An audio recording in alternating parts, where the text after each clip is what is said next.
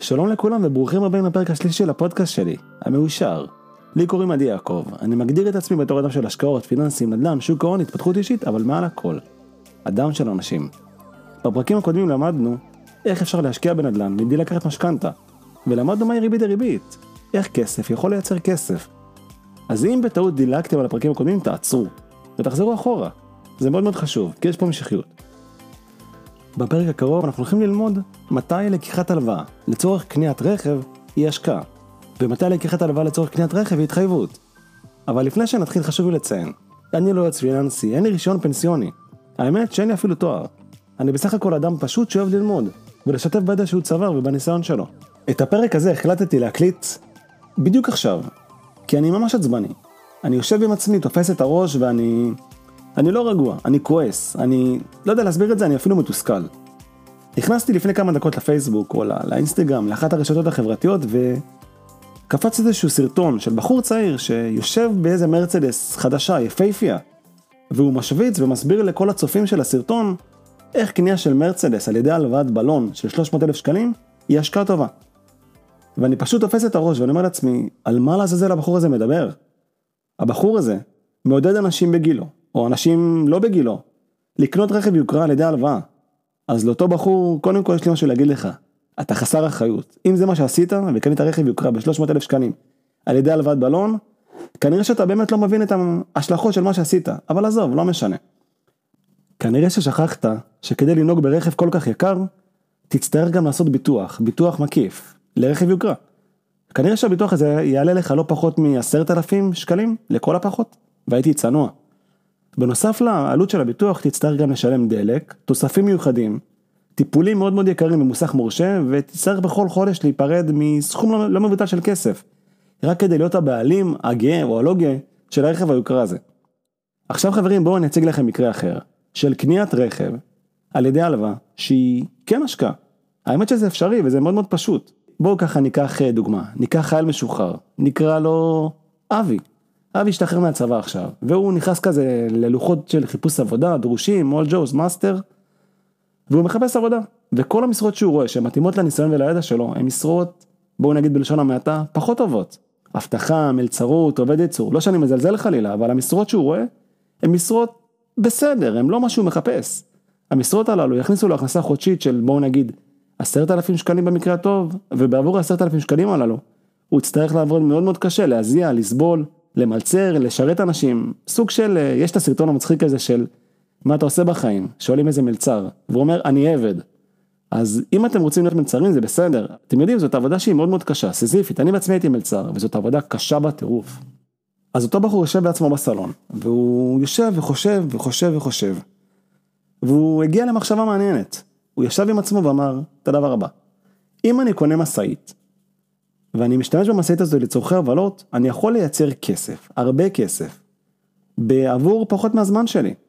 אז הוא קם בבוקר וניגש לבנק, ופונה לבנקאית יקרה, ושואל אותה, אני רוצה בבקשה לקחת הלוואה של 300 אלף שקלים, האם תאשרו לי? הבנקאית מסתכלת עליו ואומרת לו, מה הסיבות שלדעתך? אנחנו נאשר לך את ההלוואה? אז הוא אומר לה, תקשיבי בנקאית יקרה, אני רוצה לקחת הלוואה של 300 אלף שקלים. באמצעות ההלוואה הזו, אני מתכנן להכניס בשנה הראשונה 480 אלף שקלים, והוא מסביר לה את המודל העסקי. הבנקאית uh, קמה מהכיסא, אחרי שהיא האזינה לבחור, והיא ניגשת למנהלת שלה. אחרי כמה דקות המנהלת מאשרת את ההלוואה. יום למחרת, הכסף, 300 אלף שקלים של ההלוואה, מחכים לבחור בחשבון. הוא מתעורר בבוקר, מלא מלא אנרגיות ומלא מוטיבציה. ורוכש משאית, משאית נהדרת. המשאית הזאתי משמשת אותו לצורכי הובלות. והוא עשה חשבון פשוט, פתח כזה קובץ אקסל והתחיל לנתח את הנתונים. והוא הגיע למסקנה, שאם במהלך כל שבוע המשאית הזאת מכניסה לו עשרת אלפים שקלים, בכל חודש הוא ייצר ארבעים אלף שקלים, ובכל שנה, כלומר בכל 12 חודשים, הוא יכניס מדי שנה 480 אלף שקלים. אם אתם שואלים את עצמכם איך הגעתי למספרים הללו, האמת שזה מאוד מאוד פשוט. אם הנהג הזה, הנהג המשאית, יפתח חברה, והחברה הזאת תעשה שליחויות והובלות, ומדי שבוע הנהג הזה יעשה 2-3 הובלות, מדי שבוע הוא יוכל לייצר הכנסה של עשרת אלפים שקלים, שיסתכמו מדי שנה לסכום של 480 אלף שקלים.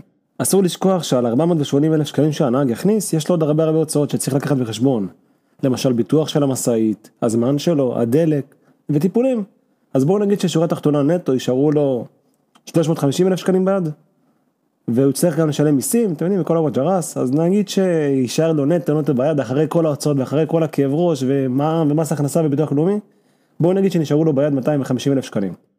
לכל מי ששואל את עצמו, רגע, אבל מה ההלוואה? כמה כסף ההלוואה שאבי לקח הולכת לעלות לו? יש לי גם לזה תשובה עבורכם. בואו נגיד שאבי לקח 300 אלף שקלים, בריבית ממוצעת נכון להיום של 9%, הלוואה לכל מטרה. את ההלוואה הזו הוא פרס לשבע שנים. מה שבעצם אומר שמדי חודש הוא מחזיר לבנק סכום של 4,827 שקלים. אם נגיע לסוף התקופה של השבע שנים, הבנק הרוויח עליו בסך הכל 105 אלף שקלים. כלומר אבי לקח 300 אלף שקלים, שילם לבנק ריביות בגובה של 105 אלף שקלים, בשונה מהבחור מתחילת הפרק, בו הוא רכש מרצדס למטרת אה, נקרא לזה פנאי והנאה, אבי שלנו, הנהג משאית, רכש רכב, משאית במקרה הזה. והמשאית הזאת מייצרת לו כסף. אם רגע נחשוב על זה, לאבי יש את האפשרות לסגור את ההלוואה. כמעט אחרי שנה, כלומר הוא עבד שנה שלמה, לקח הלוואה מאוד מאוד גדולה של 300 אלף שקלים, אבל אחרי שנה, שנה וקצת של עבודה, הוא יוכל לסלק את ההלוואה. כלומר אבי לקח הלוואה, קנה באמצעותה כלי רכב, אחרי שנה של עבודה הוא יוכל לסגור את ההלוואה, לסלק אותה. והוא עדיין נשאר עם המשאית, אותו כלי רכב שמייצר לו פרנסה.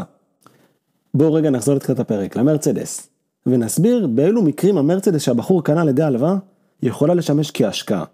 אם למעשה בעל הרכב, המרצדס הזו, היוקרתית, יחליט להשתמש ברכב הזה כמקור הכנסה, וישכיר את המכונית לכל מיני זוגות שמתחתנים, או לכל מיני סרטים אה, שצריכים בהם רכבי יוקרה, הוא יגיע למצב שהרכב שהוא רכש לטובת שימוש פרטי, יהפוך לרכב שמייצר עבורו כסף. ופתאום הרכב הזה שבהתחלה היה נטל, הפך להיות מקור הכנסה, השקעה. טוב חברים, הגענו לחלק האחרון של הפרק, החלק של הסיכום. בפרק הזה למדנו באילו מקרים לקיחת הלוואה לטובת רכישת מכונית יכולה לשמש בתור מקור השקעה. הצגנו כל מיני דוגמאות, הצגנו אפשרויות והסברנו באילו מקרים הלוואה איננה משמשת כיצירת נכס, אלא כיצירת התחייבות. אני מודה לכם על ההאזנה, אני הייתי עדי יעקב. תודה שהצטרפתם אליי לפרק, האמת שנהנתי מכל רגע. אני אשמח אם תצטרפו אליי לפרקים הבאים, ותעזרו לי לשתף, להפיץ ולקדם את הפודקאסט. למי מכם שרוצה ליצור איתי קשר, אני מזמין אתכם לשלוח לי אימייל. האימייל שלי הוא עדי יעקב, פודקאסט, שטרודל Gmail.com, עדי זה A-D-I-Y-A-A-K-O-V. אתם מוזמנים באימייל לשאול אותי למשל שאלות, ולבקש ממני לדבר על נושאים מסוימים שמעניינים אתכם. אני אשמח לעשות את זה עבורכם. חברים, תודה רבה על ההאזנה. ניפגש בפרק הבא.